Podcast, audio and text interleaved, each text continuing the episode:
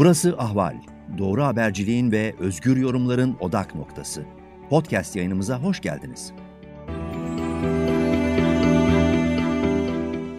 Yeni bir Ankara rüzgarında merhaba sevgili ahval dinleyicileri. Ben Zülfikar Doğan. Türkiye gündemindeki iç ve dış politikadaki, ekonomideki gelişmeleri yorumlamak üzere karşınızdayım.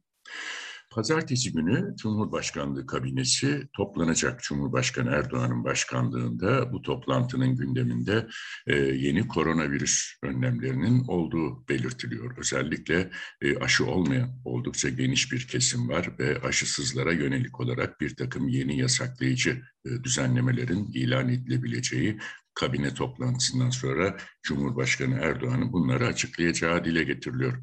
Ne olabilir? İşte e, restoranlarda, kafelerde aşısızlar için ayrı bir yer e, tahsis edilmesi, bunun yanı sıra e, alışveriş merkezlerinde e, aşı belgesinin girişlerde mutlaka sorgulanması gibi e, bir takım zorlayıcı, aşıyı e, mecburi hale getirici kararlar çıkması bekleniyor bu toplantıdan. Ama e, kabine toplantısından çok daha önemli olan bir şey var. E, pazartesi günü kamuoyuna açıklanacak olan o da Halkların Demokratik Partisi e, demokratik tutum belgesini açıklayacak. Bir süredir bu konudaki çalışmalar devam ediyordu HDP bünyesinde.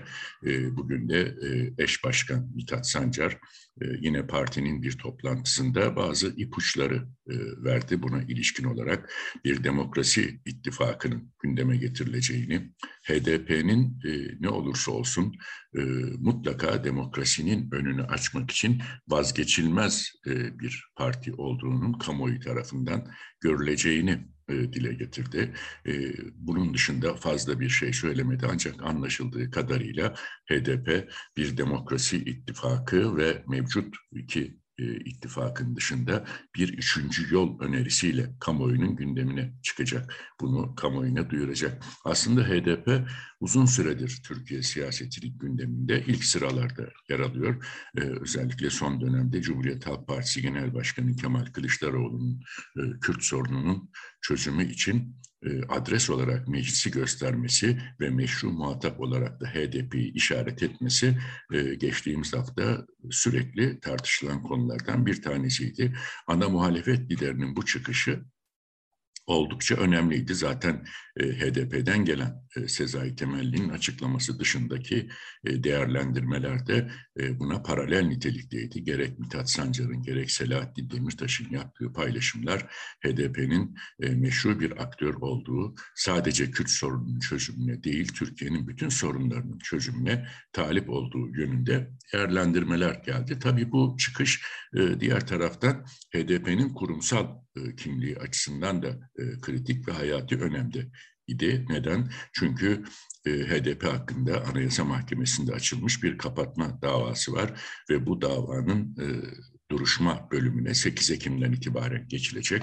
E, Yargıtay Cumhuriyet Başsavcısı ve HDP avukatları mahkeme önünde e, sözlü savunmalarını, yazılı savunmalarını yapacaklar ve ondan sonra karar süreci işlemeye başlayacak. İşte bunun öncesinde e, iktidar ittifakı gerek CHP liderinin çıkışına gerekse HDP'nin e, konumuna ilişkin olarak e, sert açıklamalar yaptılar. Türkiye'nin böyle bir sorunu yani Kürt sorunun olmadığını dile getirdiler. E, inkarcı ve rekçi bir e, tutum takındılar. E, hatta MHP lideri Devlet Bahçeli, Cumhuriyet Halk Partisi Genel Başkanı Kemal Kılıçdaroğlu'nu HDP'yi meşrulaştırmaya çalışmakla ve Anayasa Mahkemesi'ni etkilemekle suçladı. Ancak tabii bunun bir karşılığı var mı? Çünkü e, Devlet Bahçeli daha önce HDP'nin kapatılmasını defalarca gündeme getirmişti. Yargıtay Cumhuriyet Başsavcısına çağrıda bulunmuştu ve bu çağrının hemen akabinde başsavcı bu davayı açınca e, Bahçeli'nin yargıyı etkilemeye çalıştığı yorumları yine gündeme gelmişti.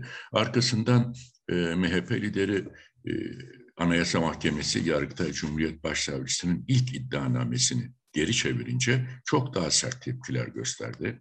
Ee, Anayasa Mahkemesi yargıçlarını bölücülükle suçladı. Ee, yine mahkemenin verdiği bazı hak ihlali kararları sonrasında Anayasa Mahkemesi'nin kapatılması gerektiğine kadar götürmüştü.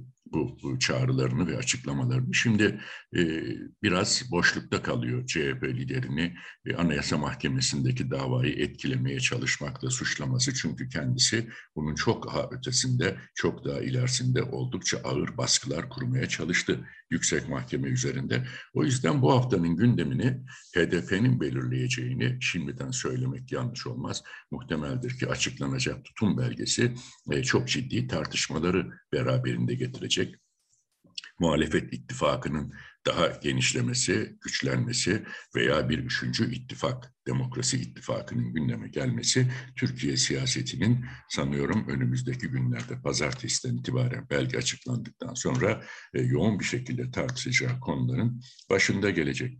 Bunun yanı sıra Meral Akşener'in e, yaptığı bir çıkış vardı. Çünkü Cumhur İttifakı bileşenleri gerek Cumhurbaşkanı Erdoğan gerekse MHP lideri Bahçeli ısrarla medya üzerinden de baskılar kurarak e, Millet İttifakı'nı Cumhurbaşkanı adayını açıklamaya çalışmaya zorluyorlardı. E, bununla belki ittifak içerisinde bir takım çatlaklar yaratabileceğini umuyorlardı. Ancak e, farklı açıklamalar geldi. CHP lideri birden fazla aday olabilir dedi. E, Meral Akşener ben sürecin önünde tıkayıcı pozisyonda olmam dedi. Daha sonra biz ittifak olarak görüşüp kanışıp e, ortak bir karar vereceğiz dendi. Tek aday da olabilir, çok aday da olabilir dendi. Ama bütün bu tartışmaların dışında Akşener'in son çıkışı kanımca en önemlisiydi. Çünkü Meral Akşener dedi ki ben Cumhurbaşkanlığına aday olmayacağım, Başbakanlığı aday olacağım dedi. Bu da bir anlamda e, bizim bu ittifakımızın ana hedefi parlamenter sistem, parlamenter sistemi güçlendirmek vaadiyle ortaya çıkıyorsak burada iktidar kim olacak? Başbakan olacak. İcranın başında başbakan olacak. Cumhurbaşkanı sembolik konumuna geri dönecek mesajını verdi e, İyi Parti lideri. Bu açıklamaya destek geldi CHP'den de. Çünkü e, Millet İttifakı sürekli güçlendirilmiş parlamenter sistemden söz ediyor. Bunu vaat ediyor topluma. Ama tabii e, bir yanıyla şöyle de değerlendirilebilir. E, Millet İttifakı'nı oluşturan şu anda iki e, ana omurgayı oluşturan iki parti CHP ve İyi Parti.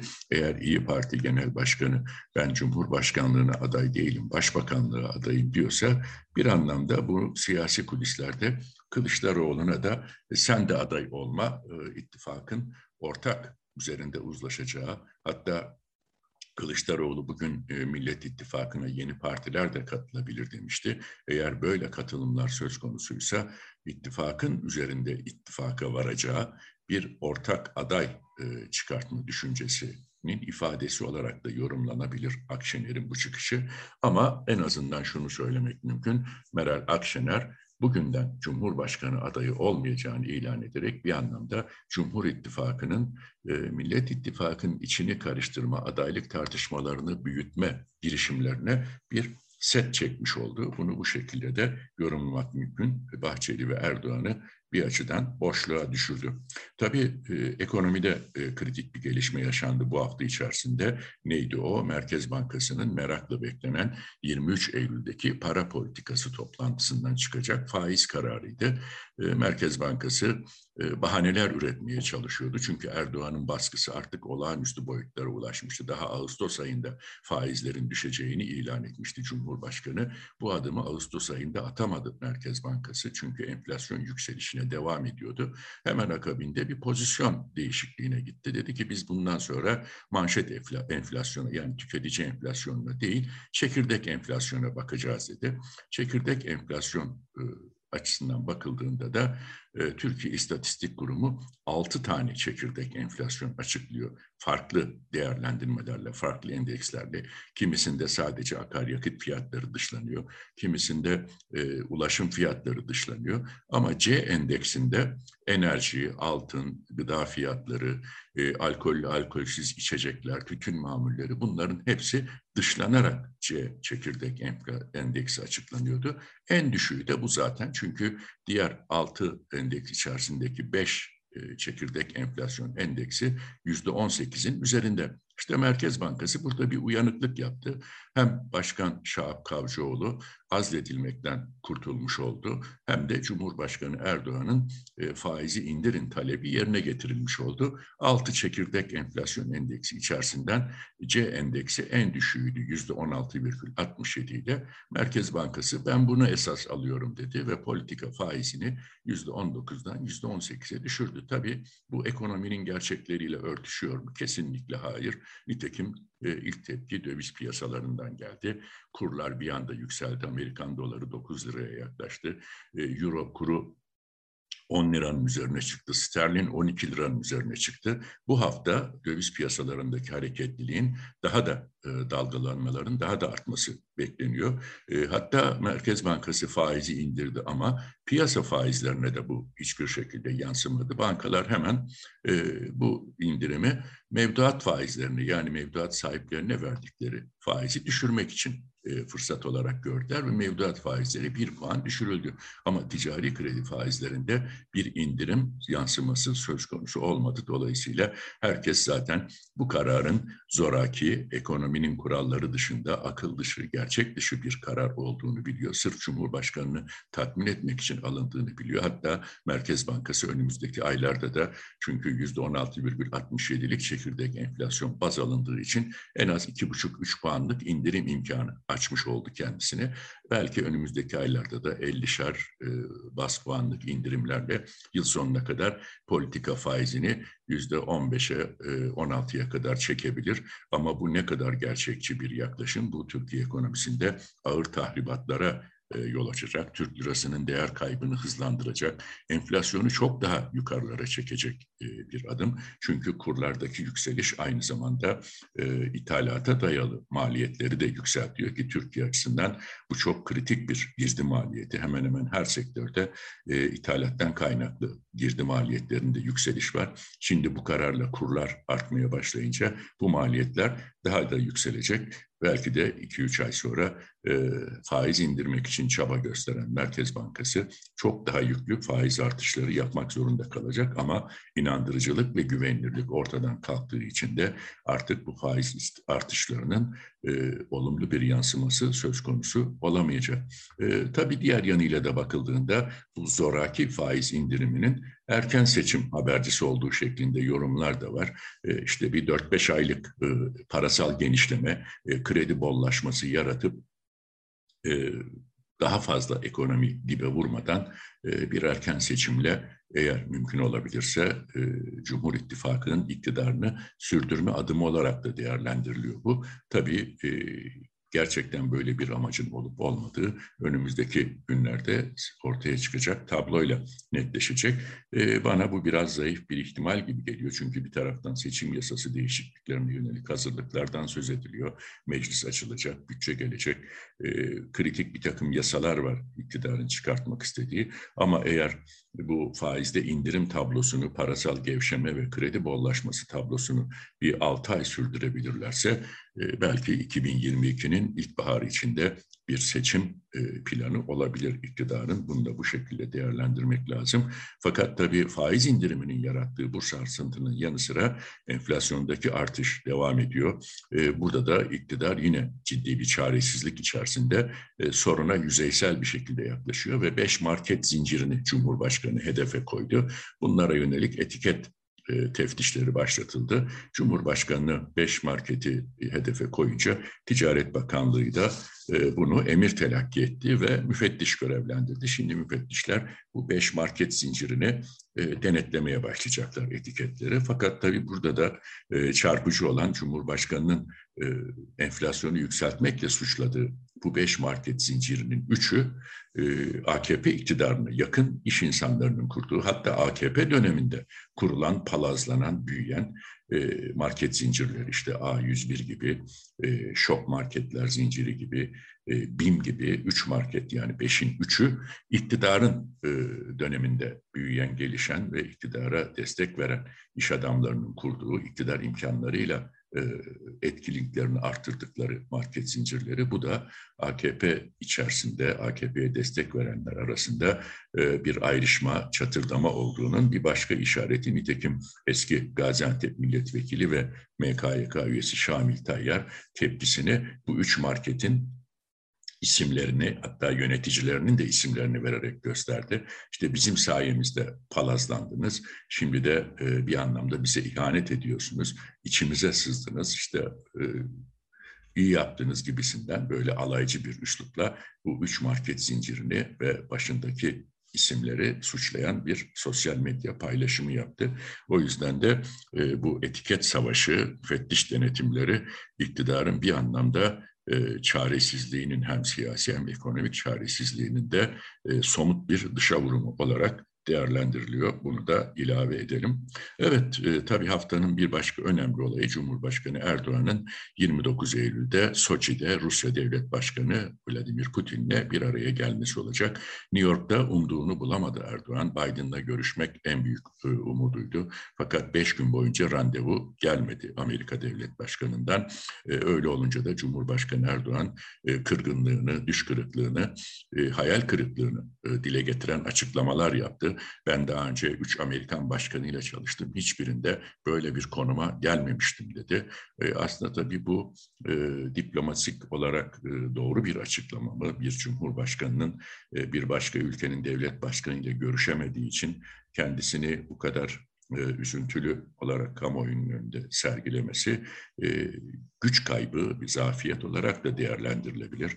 E, nitekim diplomasi kulislerinde bu yönde de yorumlar yapılıyor. Arkasından da Putin'e övgüler dizdi Cumhurbaşkanı. İşte Putin'den beklentim yüksek dedi.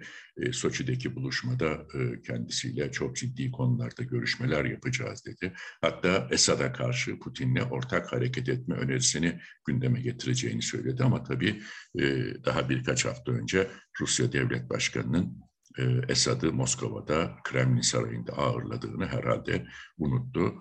E, dolayısıyla zaten Esad'ın e, Suriye'deki varlığının bugüne kadar sürmesinin arkasında en büyük destekçileri Rusya ve İran'dı. Şimdi Cumhurbaşkanı'nın İran'la Rusya ile birlikte Esad'ı devirmek için Türkiye'nin güney sınırlarına tehdit olarak gördüğü Şam yönetimini bertaraf etmek için ortak mücadeleyi gündeme getirmesi de aksında e, Soçi'ye giderken e, masaya getirebileceği fazla bir şey olmadığının göstergesi muhtemelen İdlib konusu en kritik konu olacak ve Putin artık iki yıl önce imzalanan Soçi mutabakatında e, Türkiye'nin taahhütlerini yerine getirmediği yönündeki resmi açıklamaları daha somut hale dönüştürebilir ve Türkiye'den e, ciddi şekilde Suriye'den çekilmesi, İdlib'den çekilmesi taleplerini masaya taşıyabilir. Bunu eğer e, Erdoğan kabul etmez, e, yine süre talep ederse de bu sefer Rusya'nın Türkiye'den ekonomik bir takım taviz talepleri olabilir. O yüzden 29 Eylül'deki e, Soçi buluşması Biden'dan sonra muhtemelen Cumhurbaşkanı Erdoğan için ikinci bir düş kırıklığına da vesile olacak gibi görünüyor. Şu anki tablo ve göstergeler bir anlamda bunu işaret ediyor ama tabii 29 Eylül'den sonra e, görüşmenin ardından düzenlenecek ortak basın toplantısında muhtemelen Putin ve Erdoğan yine karşılıklı birbirlerine övgü düşeceklerdir. İşte 100 milyar dolarlık e, ticaret hacmi konusu yine gündeme gelecektir ve ikili görüşme olacağı için, heyetler görüşmeye katılmayacağı için de masada konuşulan büyük ihtimalle masada kalacak. Sonrasında icraatlarla gerçekten ne görüşüldüğünü öğrenme imkanımız olacak. Evet sevgili ahval dinleyicileri ben Zülfikar Doğan Ankara Rüzgarı'nda e, bu programda sizlerle paylaşacağım e, yorumlar ve değerlendirmeler böyle. Yeni bir Ankara Rüzgarı'nda tekrar birlikte olmak dileğiyle hepinize hoşçakalın diyorum.